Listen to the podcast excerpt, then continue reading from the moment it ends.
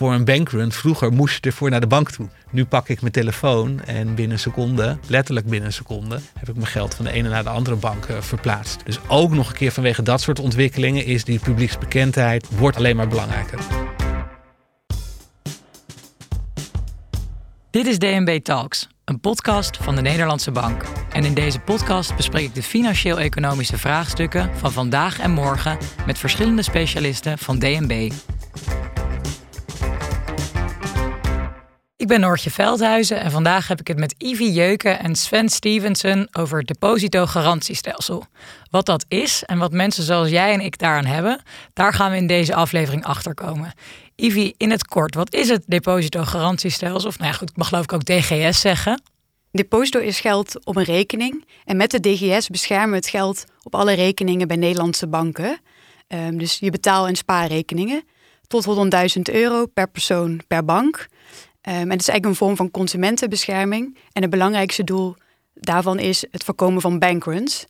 Dus als mensen iets horen in, in het nieuws of in de krant, dat ze niet meteen hun geld van de rekening gaan halen. Want dat kan de situatie eigenlijk nog alleen maar erger maken. En zelfs effect hebben op de financiële stabiliteit. Voordat we helemaal de materie meteen induiken. Uh, Sven, kun jij je even voorstellen, vertellen wat je allemaal hebt gedaan en hoe je hier terecht bent gekomen bij DNB? Ja, nou, ik ben Sven Stevenson. Ik heb economie gestudeerd. Dan ben je vanzelf ook wel geïnteresseerd in uh, nou, wat is de rol van de overheid en daar, daarin te kijken. Dus uiteindelijk na mijn studie brak de financiële crisis uit, 2008. En ik moest op zoek naar een baan. Dus ik kwam zodoende uit bij DNB. Ik dacht van ja, dat, dan wil ik ook wel gewoon midden in het vuur staan in wat er allemaal gebeurt. Want het was gewoon zo'n spannende tijd. Bij DNB ja, er was genoeg werk te doen. Uh, met de crisis die er was. Dus ik ben eind 2009 begonnen en dat was bij een divisie die heet Financiële Stabiliteit. En nou, er was heel veel in 2009, maar financiële stabiliteit was er niet.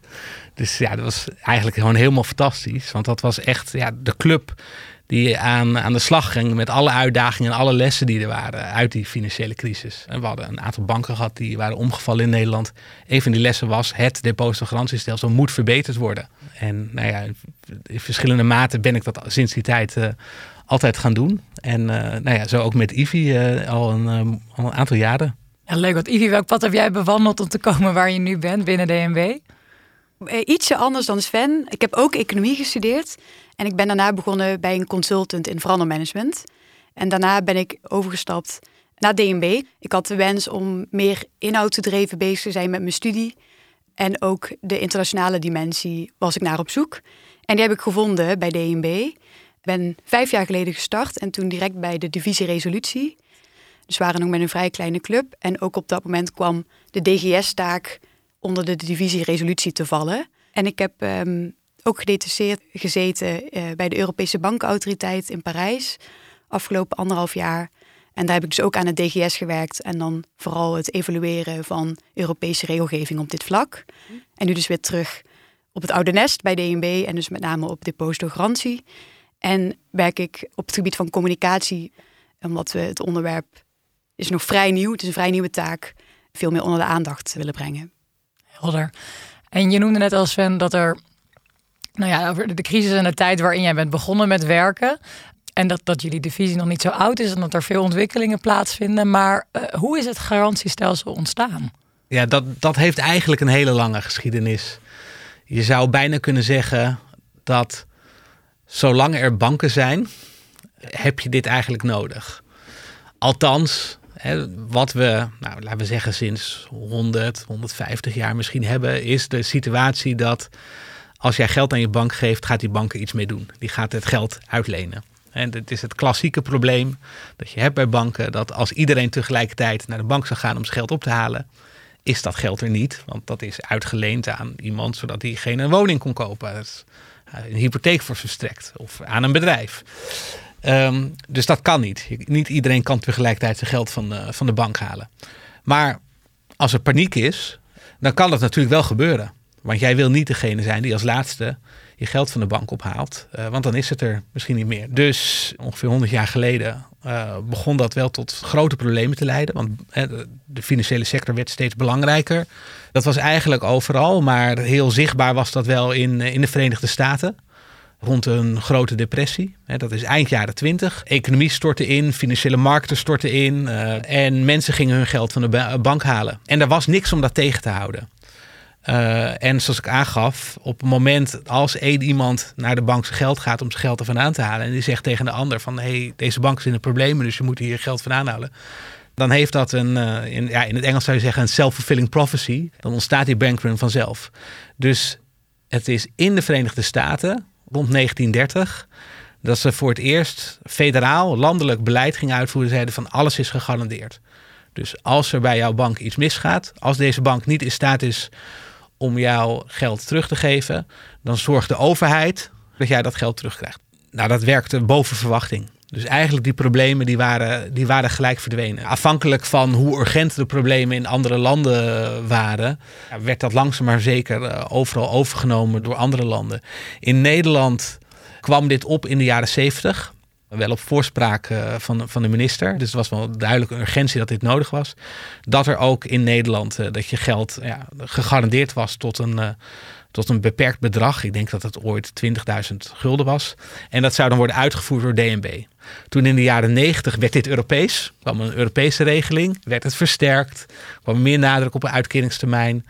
En uiteindelijk is het pas echt in de aandacht komen te staan rondom 2005 toen hadden we een wat, wat kleiner bankfaillissement van de hoop bankiers. Maar als je toen het nieuws had gevolgd, dat was toen al echt een schok. Uh, want dit was in twintig jaar niet voorgekomen dat echt een Nederlandse bank uh, failliet was gegaan. En daarna hadden we natuurlijk in 2008 en 2009 ja, de, de, veel grotere crisis.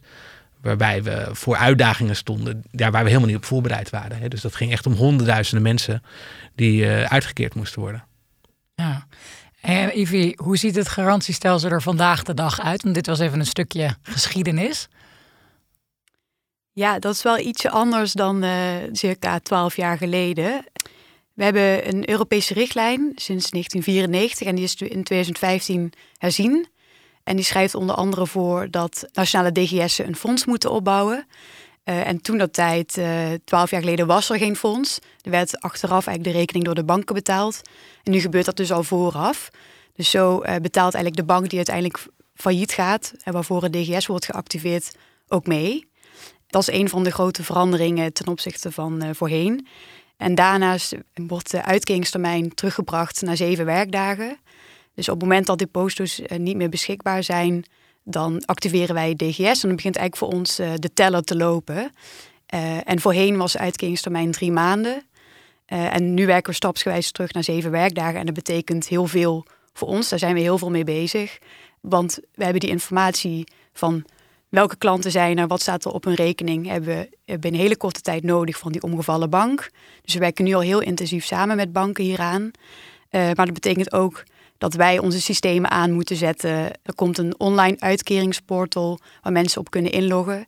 En dan kunnen ze een tegenrekening uh, opgeven en dan worden ze binnen een dag ongeveer uh, uit, uitgekeerd. En dit is iets wat we ook heel vaak al simuleren en door middel van stresstests uh, oefenen. En je hebt het al een paar keer gehad over die, die grens die op, op 100.000 euro ligt. Hoe is die grens bepaald? Nou, dat is natuurlijk een mooi rond getal. Uh, dat klinkt flauw, maar ja, als je zeg maar een, een vertrouwenwekkende werking wil geven en je wil echt een beeld scheppen van oké, we hebben het echt op een goed hoog niveau, dan, dan wil je eigenlijk wel zo'n getal hebben. Dus die 100.000 euro, ja, die is er echt in een week tijd gekomen in uh, 2008. He, dus dit was, als iedereen graaft in zijn geheugen, dan kunnen ze misschien nog herinneren dat iSafe omviel. En ja, dat, was, dat waren weken waarin echt in elk Europees land problemen ontstonden. En alle landen hadden toen verschillende dekkingsniveaus. Dus wij hadden in Nederland op dat moment een beschermingslimiet van 40.000 euro. Met over het tweede gedeelte van 20 tot 40.000 euro een eigen risico van 10%. Nou, dat klinkt ingewikkeld en dat was het ook. Wat dat betekent dus eigenlijk dat als jij bijvoorbeeld, uh, nou noem eens wat, 30.000 euro had, dan over het gedeelte van 20 tot 30.000 euro kreeg je wel je geld terug, behalve 10% dat uh, staat dus eigenlijk heel erg op gespannen voet met het idee van een, van een garantie. ben, ben ik nou beschermd of niet? Als ik in plaats van 30.000 euro maar 29.000 euro terugkrijg, ja, voel ik me toch niet helemaal prettig bij. Het is toch 1000 euro. En dat hele idee is dat mijn geld beschermd is. Dus het eerste wat er Europees gebeurde, was dat er een streep werd gezet door die, door die eigen risico's. En het tweede wat er gebeurde was dat elk land had andere niveaus. Dus bijvoorbeeld in, uh, in, in Duitsland had je een veel hoger niveau dan die 40.000. En in een ander land had het misschien 60.000. Of, of zeiden ze van, nou bij ons ben je ongelimiteerd uh, beschermd. En de grote zorg die er toen was in Europa, precies op dat moment, was... Hè, terwijl er zich een crisis ontvouwt tussen alle landen... gaan we met elkaar concurreren over wat beschermd is.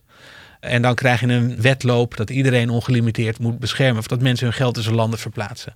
Dus toen is gezegd van we zetten hem op 100.000 euro. Dat is een voldoende hoog niveau. Dat is het eigenlijk nog steeds. Want we weten dat meer dan 95% van alle rekeningen, daar staat een bedrag lager op dan 100.000 euro. Dus bijna iedereen is er volledig mee beschermd. Hij wordt ook van tijd tot tijd, kijken we wel naar of het nog passend is. En een paar jaar geleden vonden we het nog wel, uh, nog wel passend. Ik hoor jou net zeggen dat de ambitie is dat jullie binnen zeven dagen willen gaan uitkeren. Ja, dat, nou, ik noem het niet voor niets een ambitie. Het klinkt erg ambitieus.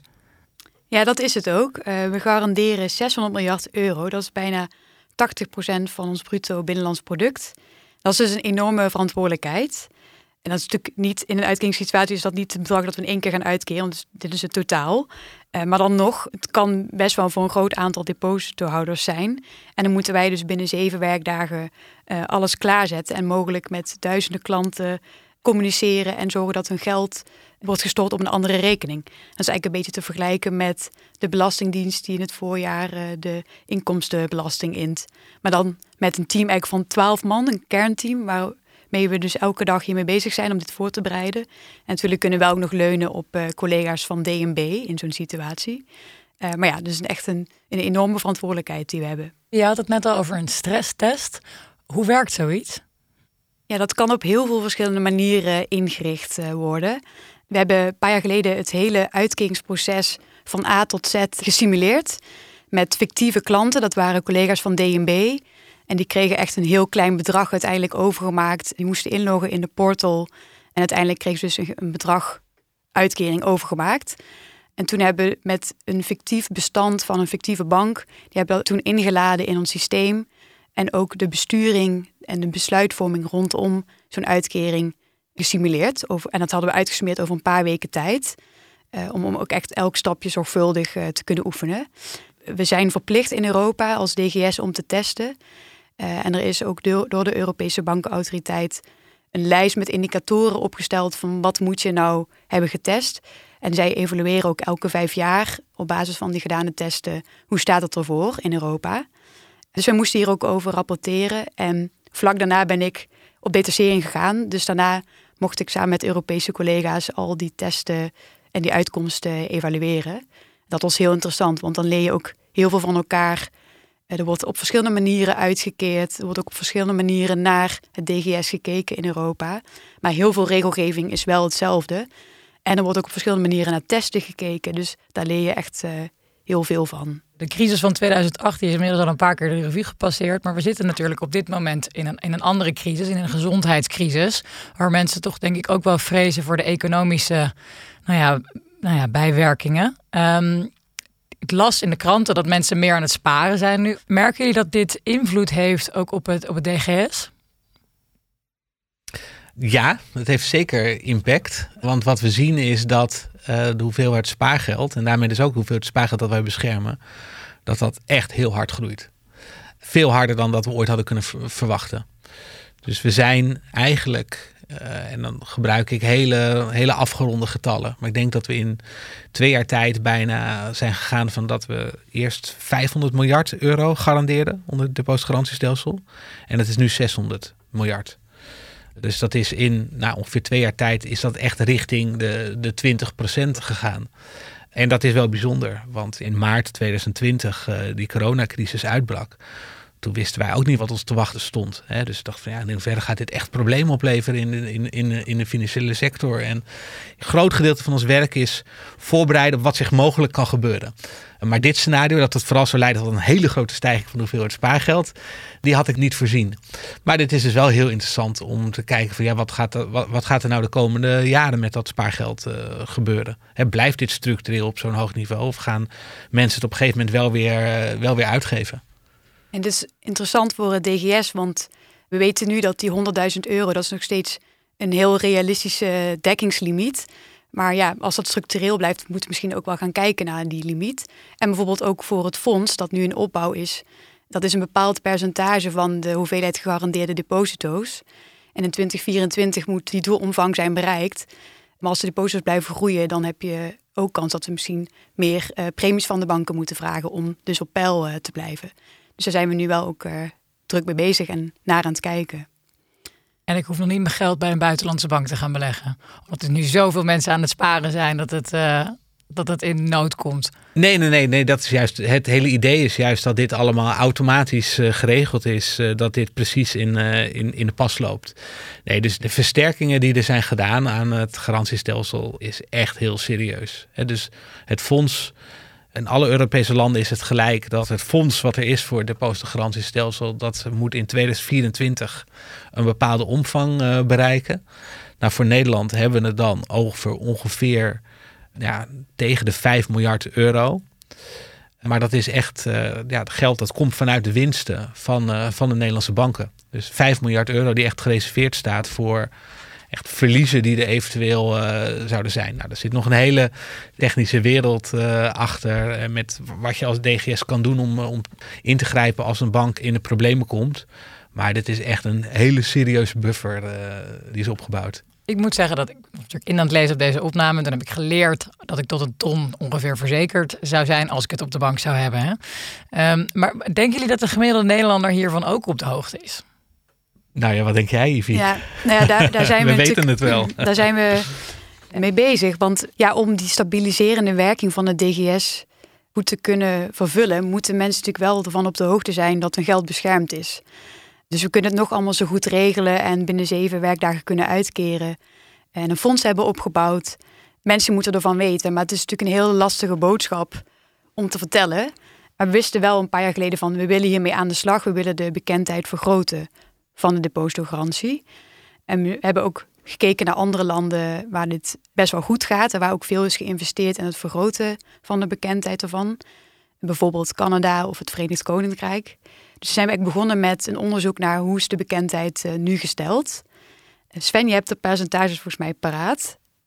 Ja, de vraag die we altijd stellen, die wij zelf het belangrijkste vinden, is: uh, bent u bekend met het uh, depositogarantiestelsel? Nou, dat percentage dat is al een aantal jaren stabiel tussen ergens 55% en 60%. En daarvan weten we dus ook, dankzij buitenlands onderzoek, dat dat percentage te laag is. Daarom zijn we echt intensief aan de slag om, uh, om die bekendheid te verbeteren. Je wil ervoor zorgen dat mensen weten dat hun geld veilig is, dat dit goed geregeld is, op een moment dat het helemaal niet aan de orde is. Want op een moment als er een crisis is, dat is niet het goede moment om daarover te communiceren. Het gaat om iets wat ooit zich een keer kan voordoen. En dan wil je eigenlijk dat iedereen weet van, oh ja, maar ik, we weten en we kunnen erop vertrouwen dat het goed geregeld is, dat die bescherming uh, er is. Voor een bankrun, vroeger moest je ervoor naar de bank toe. Nu pak ik mijn telefoon en binnen een seconde, letterlijk binnen een seconde, heb ik mijn geld van de ene naar de andere bank uh, verplaatst. Dus ook nog een keer vanwege dat soort ontwikkelingen is die publieksbekendheid wordt alleen maar, alleen maar belangrijker. En Ivy, hoe voeren jullie die campagne om die, die bewustwording van die bescherming van een ton, nou ja, om die uit te rollen? Hoe, hoe doen jullie dat? Nou ja, we zijn eigenlijk begonnen bij het zoeken naar een begrijpelijke boodschap. Want leg maar eens uit dat je bank in de problemen kan raken, failliet kan gaan. En dat er dan het depositogarantiestelsel is dat je geld teruggeeft. We hebben dus ook een website nu, eh, www.depositogarantie.nl. En daar staan in allerlei hele duidelijke en zelfs leuke video's eigenlijk uh, uitgelegd wat nou de belangrijkste kenmerken zijn van het DGS. En we hebben ook onderzocht, er zijn bepaalde doelgroepen waarbij de bekendheid echt een stuk lager is. En die proberen we ook te bereiken via bepaalde kanalen op social media, Te denken valt aan Instagram, YouTube, Pinterest, ook online radio en Spotify. En bijvoorbeeld advertorials op nieuwswebsites. Zo proberen we een brede doelgroep te bereiken, maar ook vooral een specifieke doelgroep. En dat zijn met name uh, jongeren Ehm, ja, die wat minder bekendheid hebben met de DGS. Ik kan me indenken dat je inderdaad daarin ook met de bank zelf, in ik ben 26, dus ik weet niet of ik me helemaal nog kwalificeer als jongere.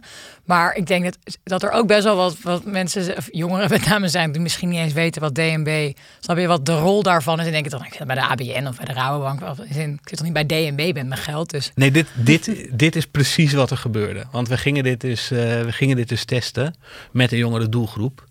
En we gingen vertellen van nou, ja, willen dat iedereen weet dat er een Nederlandse depositogarantie is.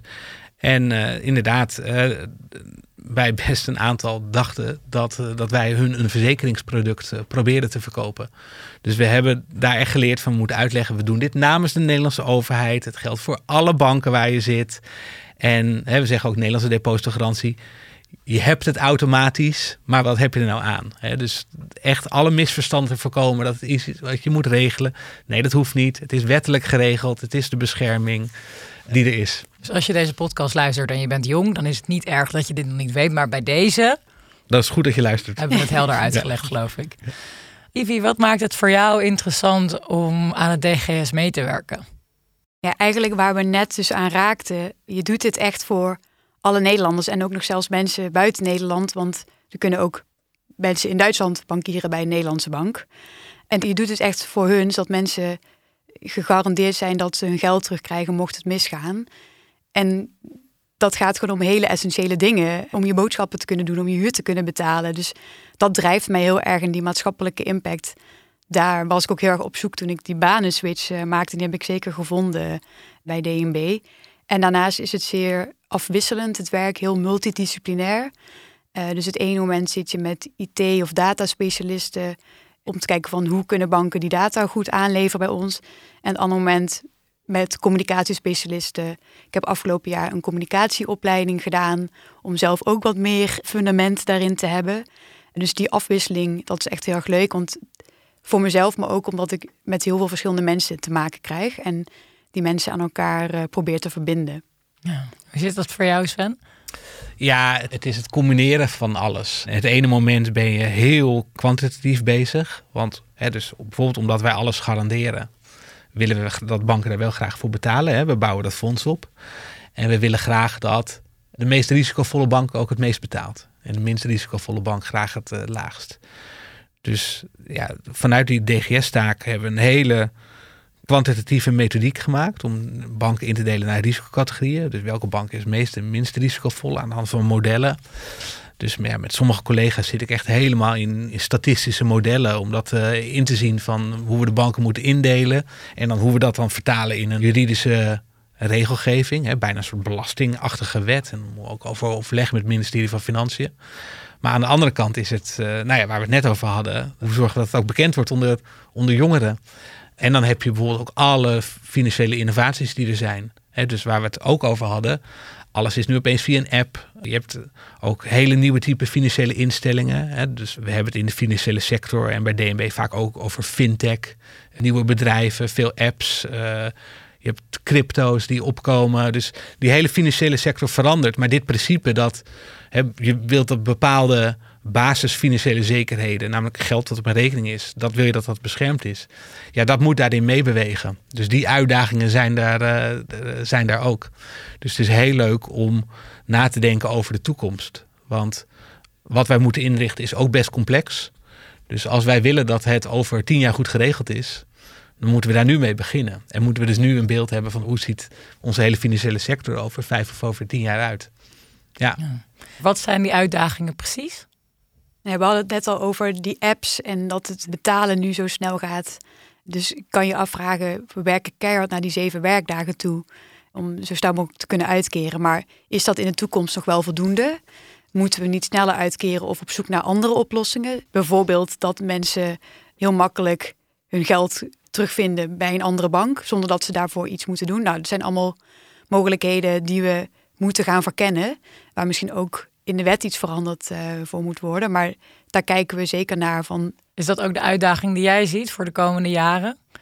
Nou ja, de uitdaging is wat Ivy zei, dat het ambitieniveau daar nog uh, hoger moet worden. Ik denk een hele andere uitdaging die we zien is dat we willen toch eigenlijk wel heel graag iets meer van een Europese DGS hebben. Dus die depositogarantiestelsels die zijn nu heel erg nationaal. Hè, volledig nationaal eigenlijk. Behalve dat we samenwerken voor de uitkering. Maar dat is niks anders dan de praktische samenwerking. Maar tegelijkertijd, we hebben in Europa een bankenunie. Hè, dus we hebben gemeenschappelijk toezicht voor banken in het eurogebied.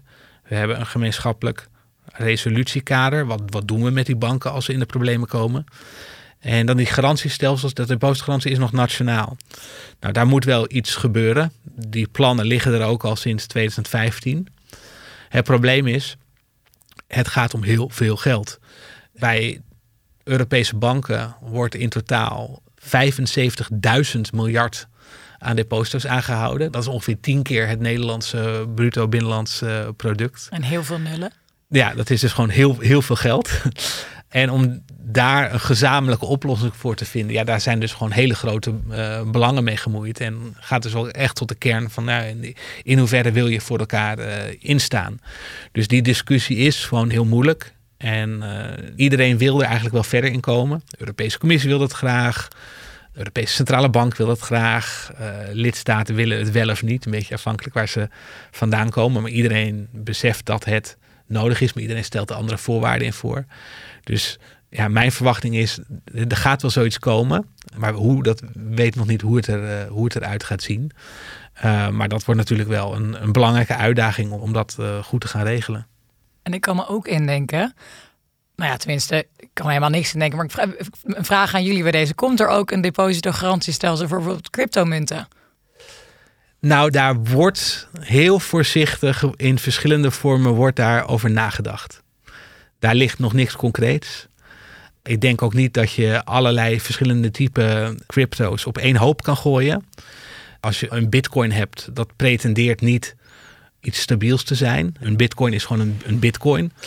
Maar je hebt ook zoiets als stablecoins. En stablecoins uh, die hebben een vaste koppeling aan een munt. En je hebt verschillende stablecoins die zijn gekoppeld aan de US dollar. Dus één één eenheid van die stablecoin is altijd 1 dollar. En het idee is dat je op die manier het altijd zo kan aanhouden. En je hebt niet het risico dat je waarde omhoog of om, omlaag gaat. Nou, dat is, daar zit in feite iets bankrekeningsachtigs uh, in. Maar qua regulering is daar in ieder geval bijna nog niks geregeld. Dus daar liggen in Europa liggen daar wel een soort van voorstellen voor, voor hoe dat gereguleerd zou moeten worden. In Amerika ook.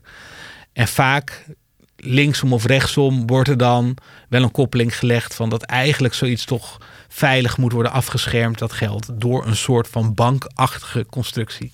Nou ja, dan kom je automatisch wel in de hoek dat op een of andere manier het misschien beschermd moet worden. Er zijn tegelijkertijd heel veel nadelen aan, want is het wel net zo goed gereguleerd als een bank? dus waarom, waarom hebben we zoiets als een depositogarantiestelsel? Omdat een bank aan heel veel eisen moet voldoen. dus er is toezicht, er zijn eisen aan hoeveel kapitaal moet hebben aan hoeveel geld de bank daadwerkelijk moet hebben.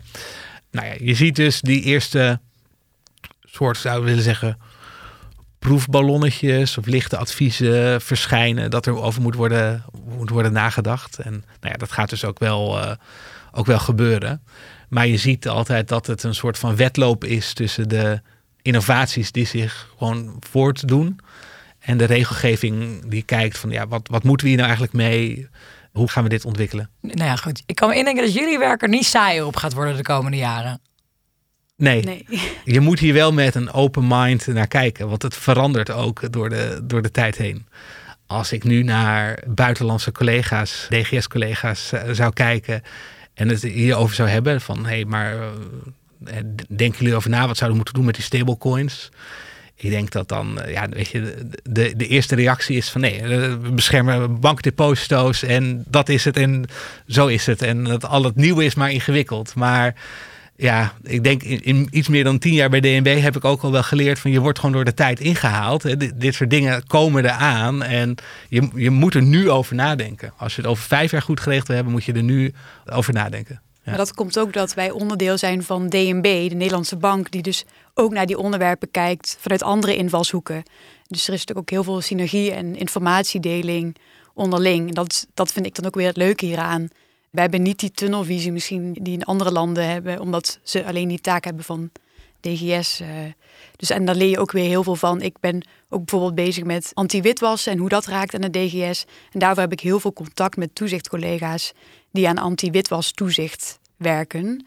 Dus ook dat multidisciplinaire gaat dus ook uh, over de, de visiegrenzen heen. En dus binnen, binnen DNB is dat echt super nuttig. Uh, een asset die wij hebben in Nederland uh, als DGS. Nou, ik ben in ieder geval blij dat ik een beetje begrijp uit jullie verhaal dat we als Nederland toch een beetje early adopters zijn op het gebied van nou ja, denken aan ook buiten de banken om. Ja, we doen wel ons best. Helemaal goed. Dank jullie wel, jongens. Bedankt voor het luisteren naar DNB Talks. Heb je vragen of wil je reageren op deze podcast? Neem dan contact met ons op via dnbtalks.dnb.nl.